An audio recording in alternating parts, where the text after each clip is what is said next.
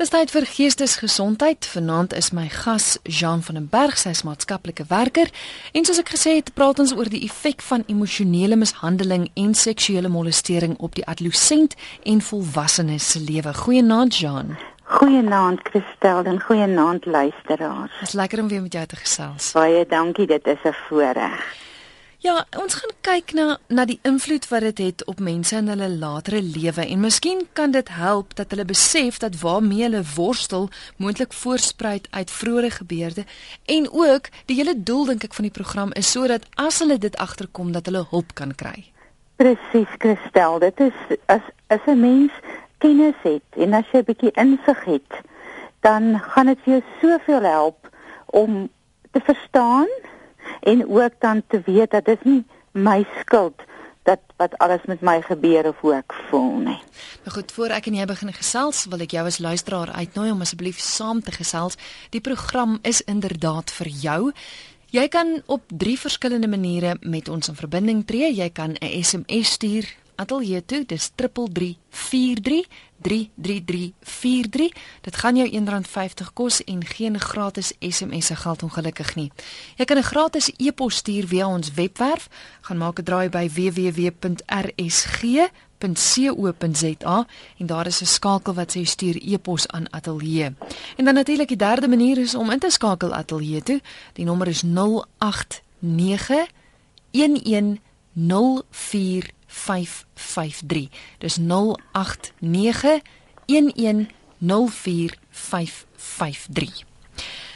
Jean, wat is emosionele mishandeling? Kristel, emosionele mishandeling is die daad van verkleinering, van ignorering, van isolering, verwerping, bangmaak, wreedheid onmenslikheid, disrespek, terrorisering, uitbuiting, vals beskuldiging, enige van hierdie een of meer teenoor 'n persoon. So emosionele mishandeling is in regte 'n vorm van breinspoeling. Jy noem nou hierdie hele lysie op en dan dink ek maar goeie genade, dan is daar verskriklik baie mense wat dit al ondervind het. Absoluut. Absoluut. Ehm uh, as ons teruggaan ons gaan na 'n kind toe. En die kind se se pappa is altyd besig om hom bang te maak. Of om hom te spot. Of om hom te verklein neer. Of seer te maak en te sê maar jy's nie 'n sussie nie. Uh moenie huil nie. Ehm um, besef hulle nie altyd dat dit is emosionele mishandeling nie. Nou wat se effek het dit wat in 'n kind se kleintyd gebeur op sy adolessente lewe?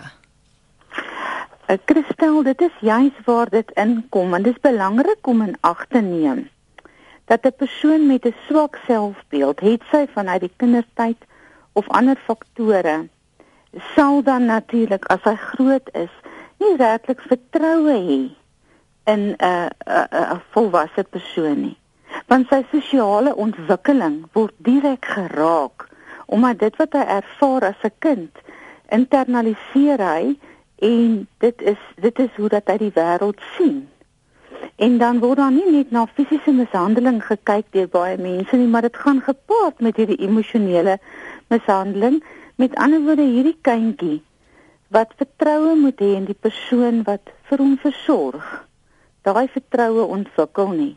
En as hy dan 'n adolessent word, kan hy nie sy meerderes vertrou nie. Hy weet nie hoe nie, want hy het nie geleer dat hierdie persoon werklik daar is en omgee vir hom nie. En dit maak dat sy selfbeeld so swak is en natuurlik dan hy sukkel met sosiale vriendskappe wat deel is van die ontwikkelingsproses van die van die kind na adolessent toe. En dan kry ons baie baie negatiewe effekte daaruit en dan maak hulle groepe en hulle hulle gaan maar saam en wat doen hulle dan? Hulle emosioneel mishandel ander mense. Ons praat kan, kan kyk na bendes of ons kan kyk na na adolessente wat regtig aan mekaar in die moeilikheid is.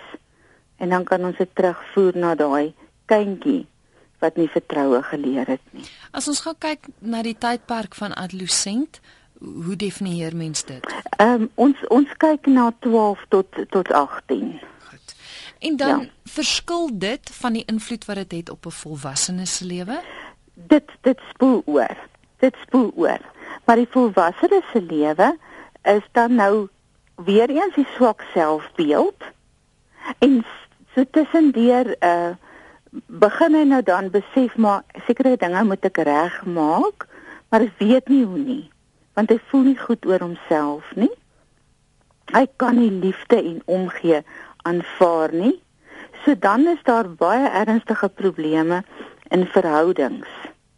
En jy kry die persoon wat absoluut wil domineer omdat dit is wat hy ken. Dit is wat sy rolmodel met hom gedoen het. Hy het die hele tyd hom gedomineer.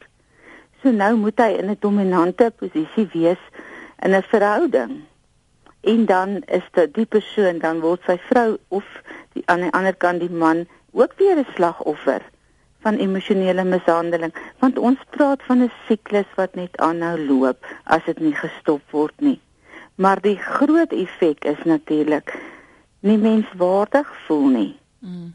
En nie voel ek het selfvertroue nie. Skaam voel want hulle is so gewoond aan die mishandeling dat hulle kan nie onderskei tussen mishandeling en normale gedrag nie. En in 'n mate is dit vir hulle normale gedrag want dis al wat hulle ken. Absoluut, absoluut, want dit is wat die rolmodel as kind vir hom geleer het. En ag dit dit dit kring soveel uit, dit kring uit na die die werksgebied, dit kring uit na die verhoudings, dit kring uit later na wanneer hulle ook kinders het. Mm. Ek kristel dit hou net aan en aan. Voor ek en jy verder gesels, ek sien hier's 'n oproep wat deurkom. RSG goeienaand. uh, Goeienaand anoniem hier. Verskoon my. Uh Christel, ek het uh, twee vrae vir jou. Duidelik baie kundige ehm um, gestel. Uh die die, nee, wag, laat ek weer dit anders stel. Dit lyk asof soos jy gesê het, emosionele mishandeling grootskaals voorkom nie. Jy het gesê baie mense is onderhewig daaraan. Mm. Maar dit kan nie wees dat hulle onderhewig is as baie dit nie doen nie. My vraag aan jou ehm um, twee vrae aan jou gas is asseblief tog waarom kom dit klaar blyklik so baie voor? Veral klaar blyklik met die klim op klaar blyklik voordat ek gekruisig word. Nou nie deur julle nie in Afrikaner geleedere het sterk pappa met die bakarms, boelie mm. pappa, goed boelie mamma ook soms, klaar blyklik onder Afrikaners. En kan is dit moontlik om hierdie mense as anders as as psigopate te beskou en indien wel, waarom so 'n hoë persentasie hier in ons land of in ons omgewing? Baie dankie. Totsiens. Dankie. Jy kon duidelik hoor, né, Jean? Ek kon duidelik hoor, dankie Christel. Dit is 'n baie interessante vraag.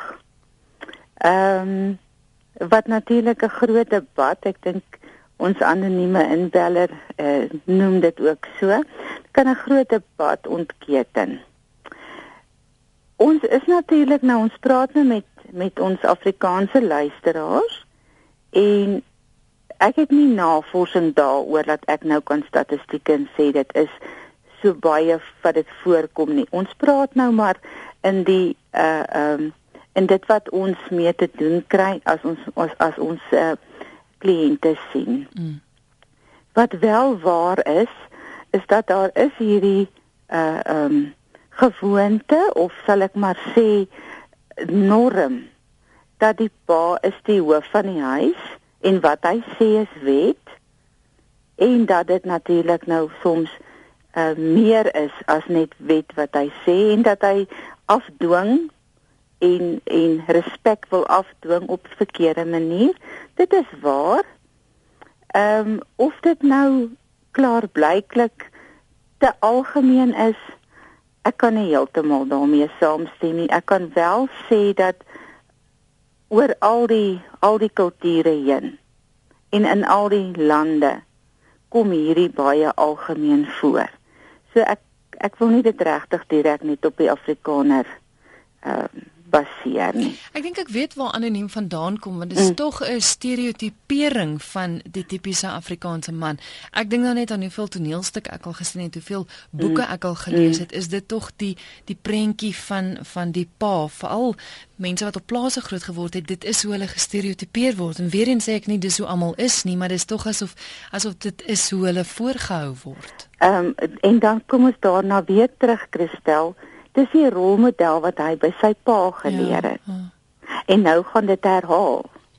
En dit gaan weer herhaal. En dit is wat ons graag wil doen in so 'n program is om iewers net die saadjie te lê dat iemand sê maar stop.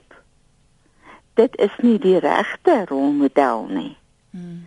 En daar daaraan as dit kan geïdentifiseer word en 'n persoon kan dan bietjie introspeksie dan sê weet jy maar dit wat ek doen, hoe ek met my vrou praat of hoe ek met my kinders hanteer is nie reg nie.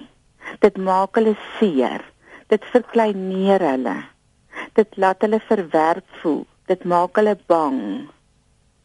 Ek kry nie respek daardeur nie want ek hanteer hulle nie met respek nie. Jy sien dan kan hierdie hele siklus dalk omgekeer word en kan 'n uh, persoon sê maar hoorie kom ons kom ons kom net bietjie op dieselfde vlak. Want hy het nie iets anders geleer nie Christel en dit is die groot ding. Ons is ouers met klein kindertjies en ons besef nie wat ons doen as ons nie werklik daarop attent gemaak word nie Ons het dit sover toe nou nog net gepraat oor oor die emosionele mishandeling, maar as ons bietjie kyk na seksuele molestering, watter invloed het dit op 'n persoon in sy latere lewe? Het sy dan nou as adolescent of volwassene? Kristel, hierdie uh uh sluit aan by die emosionele uh molestering en emosionele mishandeling, maar seksuele mishandeling en molestering gaan baie dieper. Eerstens weer is dit 'n geweldige probleem met 'n swak selfbeeld met nagmerries. Dis hmm. persone wat ongelooflike slaapprobleme het, angs, depressie, selfkritiek, destruktiewe gedrag kom daar voort selfmoordneigings natuurlik baie met dwelmmisbruik, alkoholmisbruik en ook ander uh substansies wat hulle neem. En die die groot uh, probleem is ook wantroue in mense want weer eens was dit 'n persoon wat 'n volwasse of 'n ouer persoon vertrou het en hierdie vertroue is op 'n baie baie erge manier verbreek. So intieme verhoudings uh is baie swak as hulle groter word en in terugflitsse, jy weet word geïnfiltreer. Dan vind ons ook dat eetsiektes soos anoreksia en bulimie. As jy terugsprong dan gaan kyk jy dan is dit omdat dit gekom het as 'n kind. Uh woedeaanvalle, daar's 'n kwaad in so 'n persoon. Absolute absolute woede. Want die klein bubbeltjie waar in hierdie mensie was, is gebreek op 'n tyd wat dit nie moes gebeur het nie. Hmm. En dan het so 'n persoon 'n onvermoë om liefde oor te dra en selfs om sy eie kinders te leer om onvoorwaardelik lief te hê want die liefdesverhouding is dan verbreek as 'n kind. Ag daar is so baie wat daar uit voortspruit. Uh dit maak 'n mens hartseer om daarna te hoor. Ek het 'n hele paar SMS'e gekry en ek dink jy sal ook nou hoor dat dit waaroor jy nou praat is hier in mense se lewens. Ek het een gekry wat sê My ma was 'n boelie. Sy kon wreed wees en dan soos 'n hand omkeer, weer goed wees. Jy het nooit geweet wat om te verwag nie. Mm en dan is hier ook iemand wat sê ek is gemolesteer as 10-jarige deur 'n familielid. Ek is depressief van daardie tyd af, het baie gewig opgetel, was al getroud, maar is nou geskei as gevolg van teleurstelling. Ek wil graag iemand in my lewe hê, maar kan nie 'n verhouding opbou nie as gevolg van vertroue. Ek is in my middeljare het skokterapie ontvang maar dit bly in my kop. Dit wil net nie weggaan nie.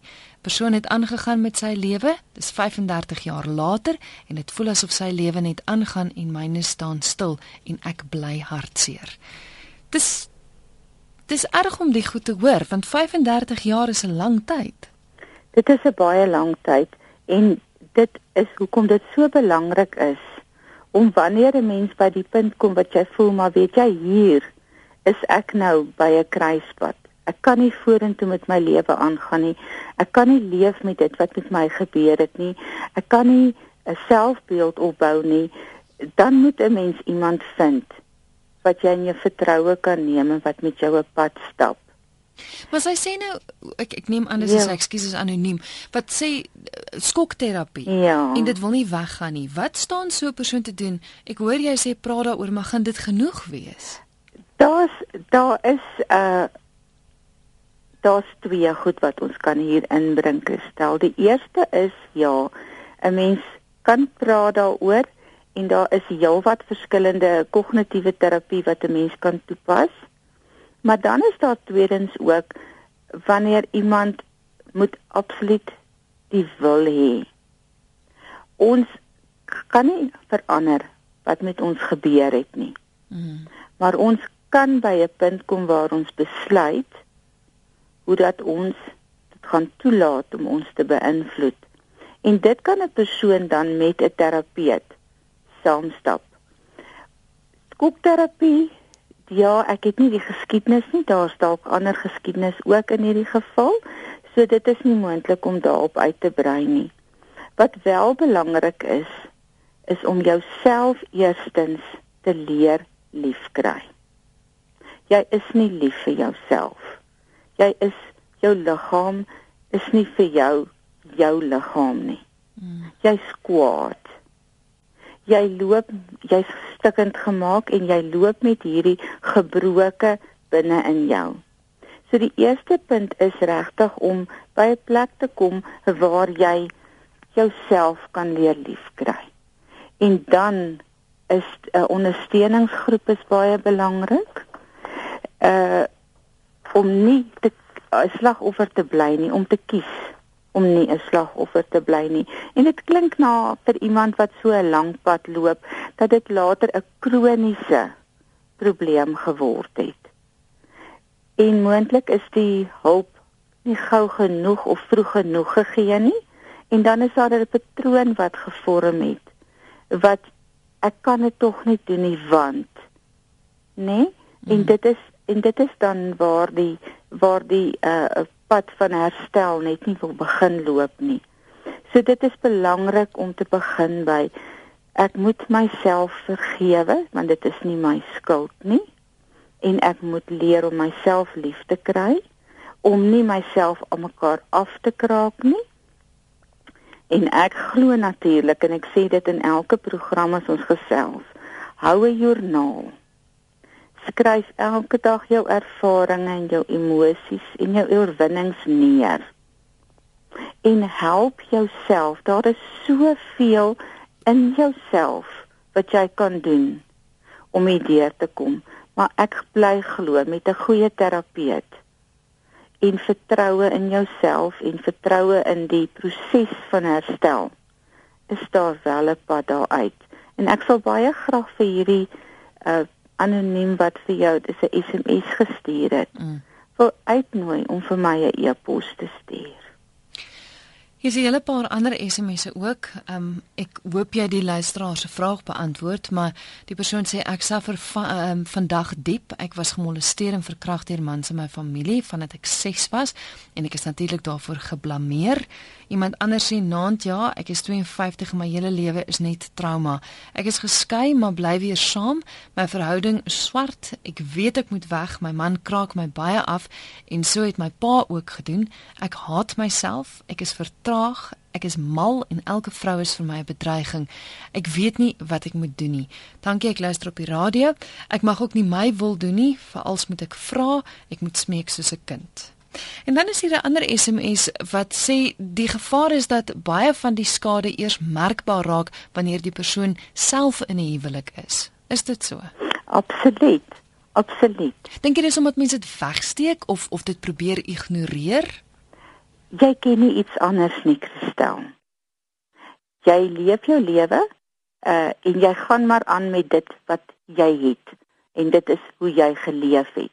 En nou kom daar 'n persoon in jou verhouding en jy het onvermoë om 'n intieme verhouding te hê, 'n normale intieme verhouding. Jy het die onvermoë om liefde te gee want jy het nie liefde ontvang nie en jy het nie jouself lief nie. Jy weet dit nie. Mm. En dan wanneer jy in hierdie verhouding is, dan is dit 'n absolute tydbom. Dit kan nie werk nie. Maar ek luister nou na hierdie SMS'e wat jy noem. Wat ons ook moet net weet is 'n persoon wat gemolesteer is as 'n kind glo in sy of haar diepste wese dat hy of sy moet gestraf word omdat hy of sy skuldig voel en aandadig voel. En hier is ons eerste probleempunt. Dit is nie so dat daai persoon skuldig is nie. Mm. Maar as 'n klein mensie en 'n persoon wat dan groter word, onthou as hy klein is en hy word gemolesteer, besef hy nie altyd wat gebeur nie, meestal nie. Maar soos wat hy groter word en hy meer leer oor wat gebeur het met my en wanneer hy dan seksueel eintlik eers op die punt kom waar hy dit verstaan, dan kom daar 'n skok en ervaar hy dit eintlik oor en oor weer 'n keer wat hy besef wat het gebeur.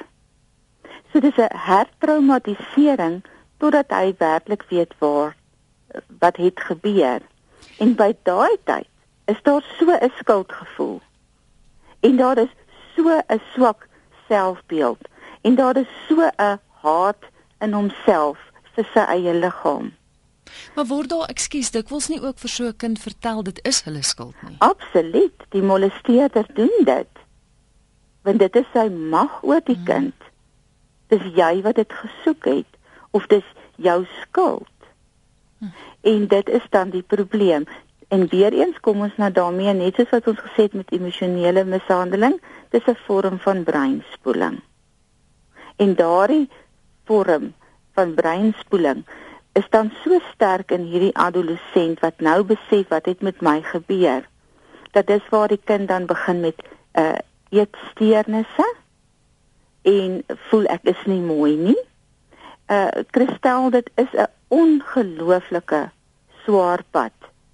En dit is hoekom dit so belangrik is om so gou as moontlik as jy dit vermoed met jouself of met jou kind of jy deel met iemand om dan te sê maar hier's iemand wat hulp nodig het want jy kan nie daai pad alleen stap nie.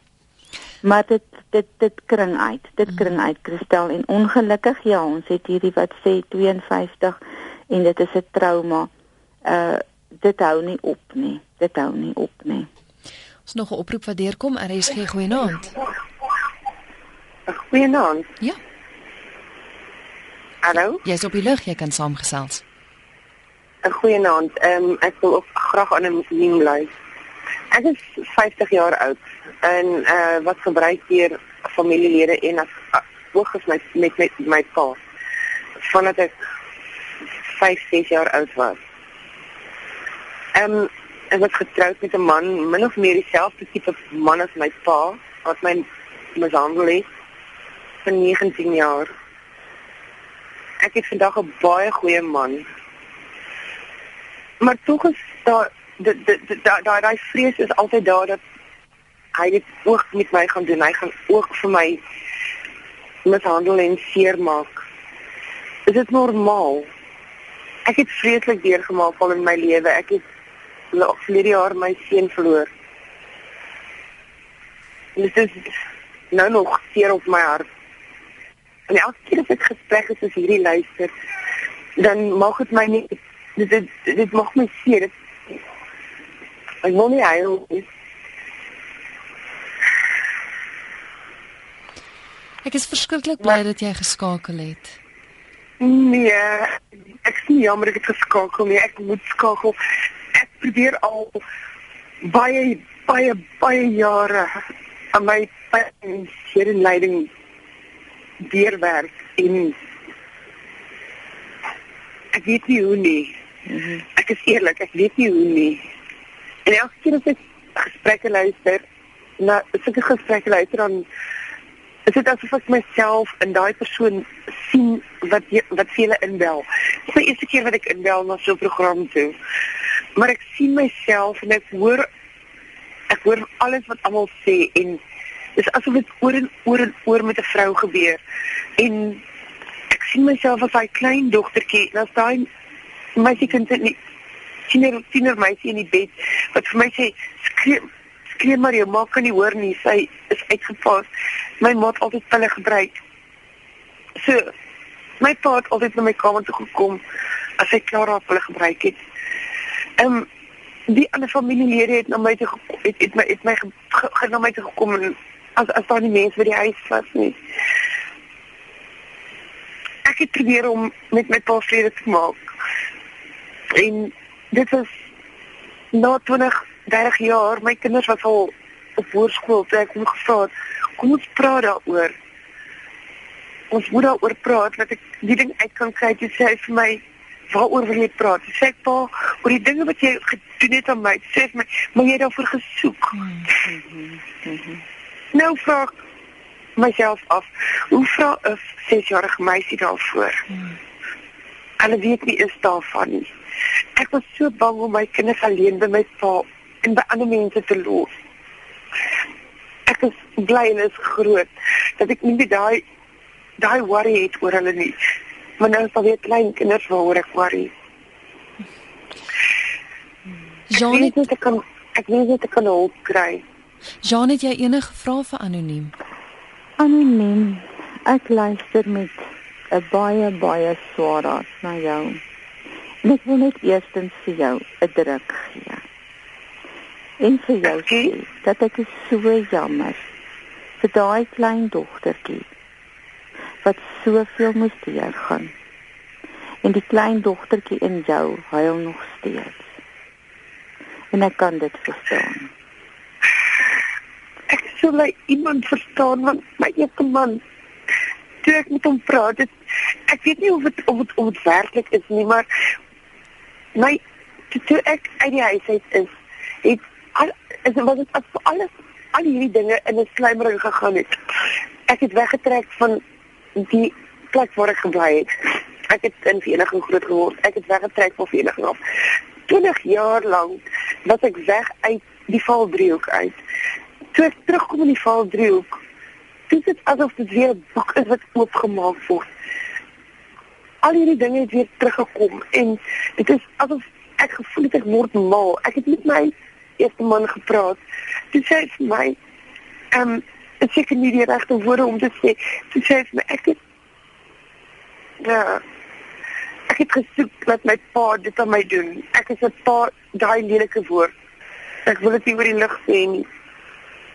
En van daar af het hy my nog meer mishandel en meer misbruik en Anoniem kan Nee, dis doodreg. Kan jy duidelik hoor wat Jean sê of of wil jy verder luister op die radio? Ek sal verder luister op die radio. Nie jy kan gerus vir my skryf en dat ons kyk ons net ewester vir daai ou klein kindjie kan liefkry. Baie dankie. Asseblief kry so lank pen en papier gereed. Ek gaan Jean se kontak besonderhede gee. Baie sterkte. Baie dankie hoor. Dankie anoniem. Dankie totsiens. Ja, Jean, ek dink hierdie is maar net een voorbeeld van van 'n ja. hulpkreet wat ek kry met die SMS ook en en die seer wat mense beleef van dit wat jare terug gebeur het. Absoluut. Jy weet Christel en dit is presies daar wat wat dit kom is ek kan nie kan nie myself lief hê nie. En ek kan nie myself vergewe nie en ek kan nie die ander persoon vergewe nie. Dit is so 'n diep gewortelde probleem en dan is dit nou nie eintlik vir ons abnormaal dat die verhoudinge dan ook nie wou uitwerk nie. Mm. En dis ook nie abnormaal dat sy moontlik oorbeskermend was teenoor haar kinders nie. Want sy loop en het groot geword met 'n onsaglike vrees. En dit is dan weer eens die rolmodel het alles wat emosioneel uh daar was afgebreek. Daar is nie 'n rolmodel nie. So waarop moes sy dan 'n keuse maak vir 'n verhouding? Waarna moes sy kyk? Sy het haarself dan nou glad nie geken nie en glad nie geweet wat alles gebeur het nie. Dit kom eers soos wat jy ouer word, word dit eers vir jou al hoe meer duidelik. En dan sê sy ook dat sy probeer praat met haar pa. Ons kom uit 'n era waar daar nie daaroor gepraat is nie en waar daar nie daaroor dit ontkenning was altyd.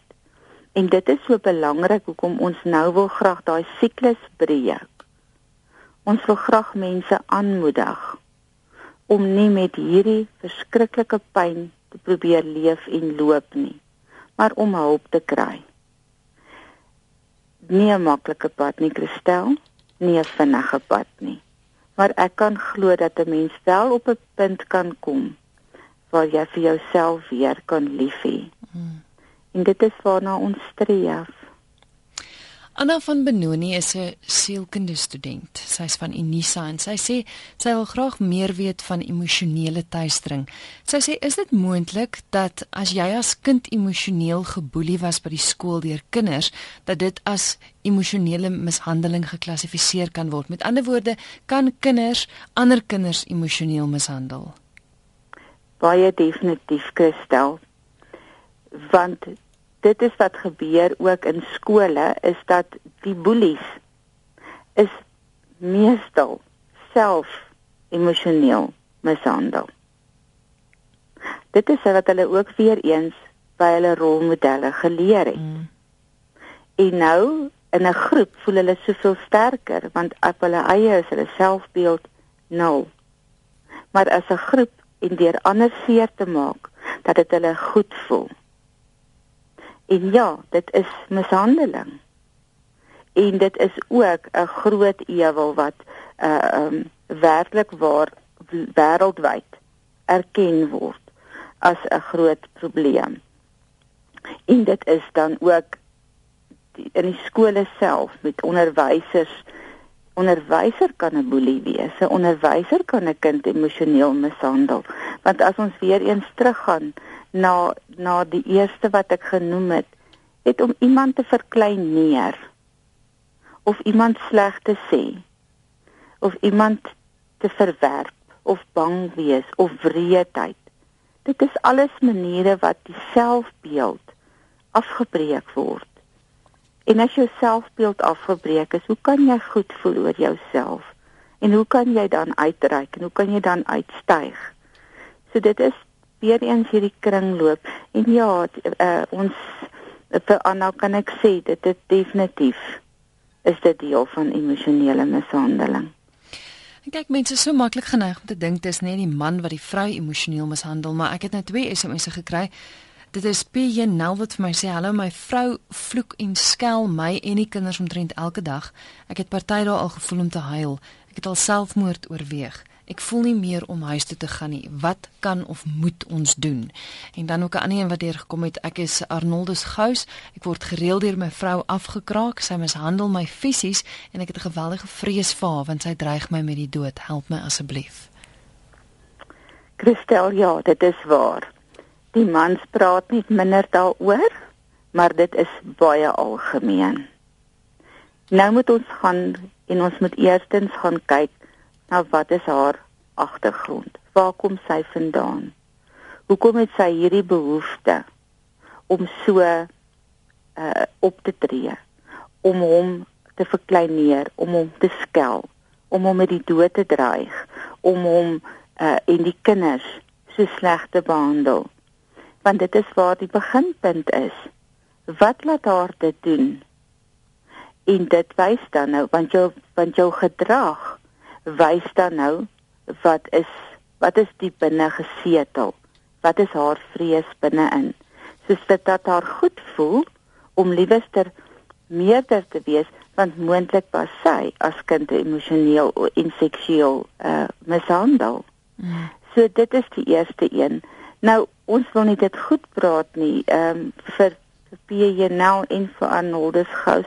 Ons wil nie goed praat wat sy doen nie. Daarom is dit baie belangrik om vir jouself uit hierdie situasie te verwyder en iemand te vind met wie jy dit kan deurpraat. En dan te kan besluit, kan ek so voortgaan? Kan ek daarmee saamlewe? En wat gaan die beste wees? Want jy mag nie jouself so laat mishandel nie. Jy moet na jouself kyk. Jy moet jouself uitlig uit hierdie omstandigheid. En ja, daar's kinders. Jy moet hulle ook uit hierdie omstandigheid uitlig. So dit is baie belangrik om na jouself te kyk en nie net dit die hele tyd te aanvaar nie. Ons is dit is dit is ons reg. Elke mens het die reg om te sê tot sover en nie verder nie. En ons gaan nou hierdie probleem definitief uh, aanneem en ons gaan daaroor praat of ons gaan iemand sien.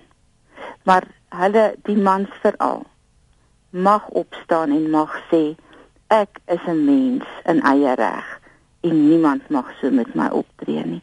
En hulle het dit ook nodig om dit te doen te hulle van hulle kinders, want wat se wat leer die kinders? Hmm. Hoe gaan hulle vorentoe eendag in verhoudings optree?